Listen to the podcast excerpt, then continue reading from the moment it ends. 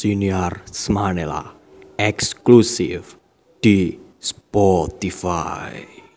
Assalamualaikum warahmatullahi wabarakatuh Hai hai teman semua Gimana nih kabar kalian? Semoga sehat selalu ya Kali ini bersama saya Anissa Husnun Sabita di Sinela Siniar Smanela Pada episode kali ini Saya bersama bintang tamu yang spesial sekali Beliau merupakan alumni dari SMA Darul Quran Singosari dan saat ini beliau merupakan mahasiswa di Universitas Negeri Malang S1 Pendidikan Bahasa Inggris.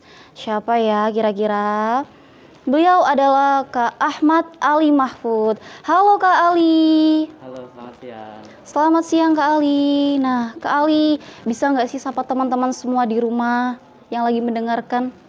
Uh, selamat siang teman-teman. Uh, perkenalkan, saya Ahmad Ali Mahfud. Uh, sekarang sedang berkuliah di Universitas Negeri Malang, pendidikan bahasa Inggris. Dan saya semester kemarin uh, mendapatkan kesempatan untuk belajar di Spanyol selama satu semester. Wah, berarti kali pernah ke Spanyol ya? Ya, seperti itulah. Boleh nggak sih ceritakan pengalaman Kak Ali mendapatkan beasiswa ke Spanyol? Uh, kalau kita ngomong Spanyol nih, pasti teman-teman yang penggemar sepak bola yang terlintas langsung pasti La Liga, yeah. Madrid, Barcelona gitu kan. Madrid. Yang perlu teman-teman tahu nih, di Spanyol tuh sebenarnya orang-orangnya hampir sama kayak orang Indonesia. Jadi mereka sangat ramah, sangat suka bersosialisasi, juga makannya juga banyak ya. Jadi sama deh kayak kita, tipikal foodnya juga banyak banget. Festival-festival uh, daerah um, kayak budaya itu sangat banyak banget di Spanyol. Jadi mereka bisa dikatakan sebagai masyarakat yang sangat sosialis begitu. Terus kalau masalah pendidikannya, sebenarnya itu sistemnya nggak terlalu jauh sama Indonesia ya. Cuman waktunya lebih singkat aja.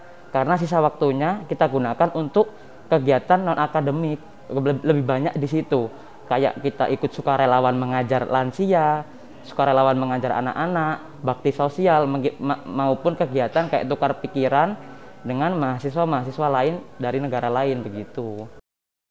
Oke, nah dari mana sih Kak Ali sering mendapatkan informasi beasiswa itu? Kalau sekarang ya, zaman sekarang di era informasi yang sangat luas seperti ini, uh, believe or not, kalian cek sekarang, buka Google atau Instagram, kalian search uh, beasiswa, itu pasti banyak banget akun-akun penyedia informasi tentang beasiswa. Itu pasti banyak. Jadi kalau zaman sekarang tinggal niat sama uh, kemauan. Ketika kalian sering-sering uh, nge-search, cari kesempatan, pasti ada, pasti nemu tapi kalau untuk di kasus saya, karena saya itu uh, sebelumnya perkenalkan ya dulu, saya itu ikut uh, programnya Kemendikbud, Kampus Merdeka Belajar. Jadi uh, saya itu ikut program namanya IISMA, Inter International Indonesia International Student Mobility Awards. Dan kebetulan saya kemarin itu dapat dari grup WhatsApp jurusan yang di-share oleh dosen. Lalu uh, saya diajak oleh teman sekelas saya untuk ikut sama-sama mendaftar dari samping itu kita juga cari informasinya dari web resminya si kampus Merdeka nih. Jadi kita le, kurang lebih tahu banyak dulu lah dari yang lain gitu. Biasanya itu kalau mau mengirim beasiswa itu ke suatu lembaga gitu. Nah lembaga pemberi beasiswa itu memilih calon penerima beasiswa yang seperti apa sih kak? Calon penerima beasiswa itu yang pastinya ya ada dua kriteria penting yaitu memiliki tingkat kognitif yang mumpuni dan juga psikis atau mental yang mumpuni juga. Kenapa kok begitu? Karena kita itu di sana kuliah kan, kita beasiswa itu kuliah, bukan bermain-main, bukan liburan. Jadi wajar kalau kita harus punya tingkat kognitif yang baik, yang bisa mengikuti pelajaran-pelajaran di sana. Khususnya paling seenggaknya lah kita bisa berkomunikasi menggunakan bahasa Inggris dengan baik, terutama memahami konteks-konteks akademik begitu. Dan kenapa harus juga memiliki kemampuan atau tingkat mental yang mumpuni? Karena kita di sana sendirian, belum tentu kita punya teman. Kita uh, jauh dari keluarga, dari siapa pun. Kita belajar mandiri untuk pertama kalinya mungkin. Jadi mental benar-benar harus kuat. Kita uh, para penyelenggara beasiswa nggak mau dong uh, siapa ini uh, mahasiswa yang dibayarin ke luar negeri, terus di sana mereka mentalnya drop, nggak mau belajar, kangen rumah, pasti nggak mau. Jadi percuma kalian kognitifnya sangat tinggi, pinter banget, tapi kalau mental kalian nggak kuat, kalian nggak bisa mandiri, kalian nggak bisa uh, menge, uh, apa, memanage diri kalian sendiri, masih bergantung, itu pasti para uh, pihak beasiswa nggak mau untuk ngirim orang seperti itu, begitu. Oke, apa sih Kak yang perlu disiapkan sebelum kita mendaftarkan diri untuk menjadi penerima beasiswa? Ya, seperti yang saya sebutkan sebelumnya, pasti tingkat kognitif dan juga mental. Terus kalau uh, wabil khusus di beasiswa beasiswa kemarin karena saya beasiswanya ke luar negeri, jadi kemampuan bahasa Inggris itu nomor satu pasti. Karena kita nanti dites melalui uh, tes kecakapan bahasa Inggris, bisa pakai IELTS, TOEFL atau uh, ada baru ini namanya Duolingo English Test. Dan di situ itu itu uh, syarat utama kita sebelum daftar beasiswa. Terus kita juga itu pasti berbeda-beda ya teman-teman. Jadi setiap, setiap lembaga nggak pasti uh, nilai skornya sama. Uh, contohnya kemarin kalau di Granada itu minimal skor Duolingo-nya 100 gitu.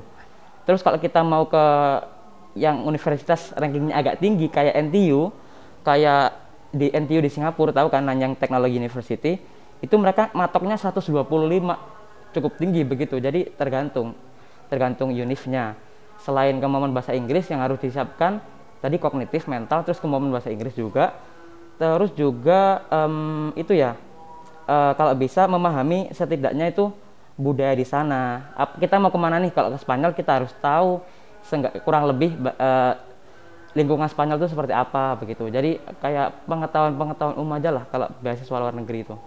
Oke teman-teman jangan lupa catat ya itu poin-poin yang penting yang bisa kalian gunakan. Oke kak mungkin teman-teman dengar bingung ya gimana sih cara menyusun CV agar mudah diterima oleh lembaga pemberi beasiswa.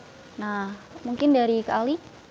Oke, oh iya tadi juga ada persyaratannya CV ya. Tapi CV itu kayaknya bukan hanya beasiswa kan ya kerja di semuanya itu pasti butuh CV dan sebenarnya nggak ada patokan khusus untuk CV apakah CV itu baik atau enggak diterima atau enggak tapi dari pengalaman pribadi saya CV yang baik dan akan diterima oleh si lembaga penyedia beasiswa ini itu yang simple dan e, menarik.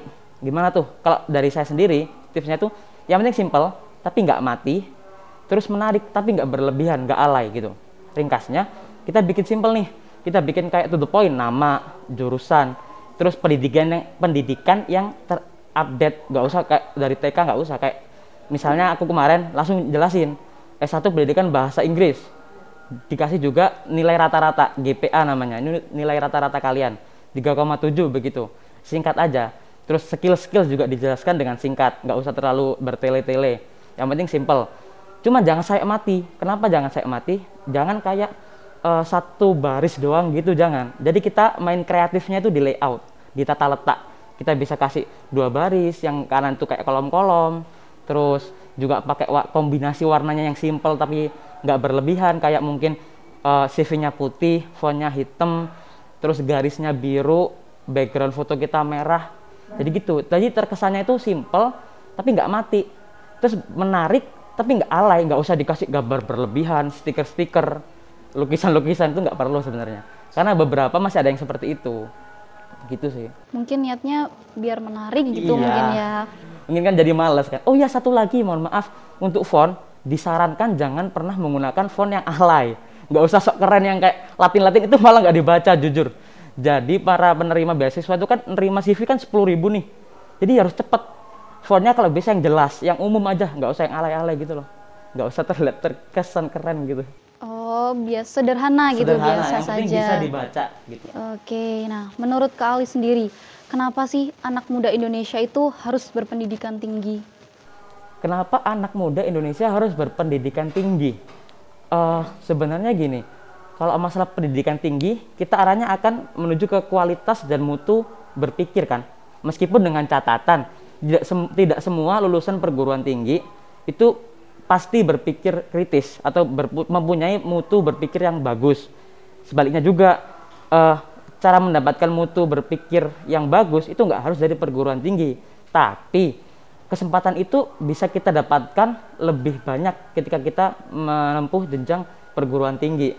Juga kita bisa mengasah bakat, memperbaiki mental, membangun kepribadian, membentuk personal branding, membangun jejaring itu bisa kita uh, capai melalui perguruan tinggi dengan memiliki pendidikan yang tinggi. Meskipun dengan catatan lagi teman-teman, perguruan tinggi itu uh, mem cuma membantu dan memfasilitasi. Jadi sisanya dari teman-teman sendiri, dari niat, dari kerja keras teman-teman, begitu. Oke, terakhir nih Kak, boleh dong kasih tips atau motivasi buat para pejuang beasiswa di luar sana. Uh, seperti kata uh, hashtagnya Iisma beasiswa kemarin itu be bold to go abroad jadilah berani untuk pergi ke luar negeri gitu kita nggak usah takut kalau saya sendiri itu prinsip hidup saya itu live the life that is worth living. Jalanilah kehidupan yang layak dijalani. Jadi kalian misalnya uh, apa ya kalian terlalu dipeta-petakan nih oleh mungkin lingkungan oleh mungkin atasan bisa kita sebut orang tua dan sebagainya. Menurut saya uh, membanggakan orang tua dan menjalani kehidupan uh, pilihan kita itu bukan sebuah pilihan. Bukan berarti kalau kita uh, mengikuti orang ke, uh, ke, bukan berarti kalau kita mengikuti pilihan kita otomatis kita melanggar orang tua enggak. Kita bisa me, uh, memiliki dua hal itu. Tinggal kita aja yang pinter-pinteran komunikasi sama orang tua. Jujur orang tua saya itu kemarin menolak sebenarnya untuk pergi saya ke luar negeri. Tapi karena mungkin pinter-pinteran saya politik ya untuk berkomunikasi sama orang tua jadinya bisa. Akhirnya saya mendapatkan dua hal yaitu keinginan saya sendiri dan juga uh, restu orang tua. Itu bukan pilihan loh teman-teman. Ini kasus nyata. Mungkin kalau dari sini yang bisa kita ambil jadilah berani be bold terus be kreatif juga be confident seperti kata Mas Mada tadi kita juga harus percaya diri kalau kita karena dari interview kemarin yang di beasiswa itu salah satu yang paling dinilai itu adalah uh, keberanian kalian, kepercayaan diri kalian ketika interview. Meskipun bahasa Inggris kalian lancar, tapi ketika kalian kayak nggak berani mengungkapkan pendapat, kayak terbata-bata, itu ya para penerima biasanya kayak ah anak ini nggak berpotensi nih kayaknya gitu. Jadi be bold, be kreatif, be confident. Oke, nah buat teman-teman, kunci kesuksesan itu bukan hanya berasal dari pikiran, tetapi keberanian itu juga bisa menjadi kunci kesuksesan kita semua.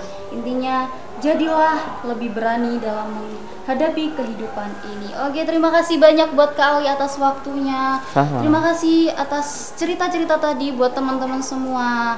Dan untuk teman-teman, jangan lupa follow akun Instagram OSIS Manela dan ikuti akun Spotify Smanela, Sinela, Siniar Smanela. Salam sehat. Wassalamualaikum warahmatullahi wabarakatuh.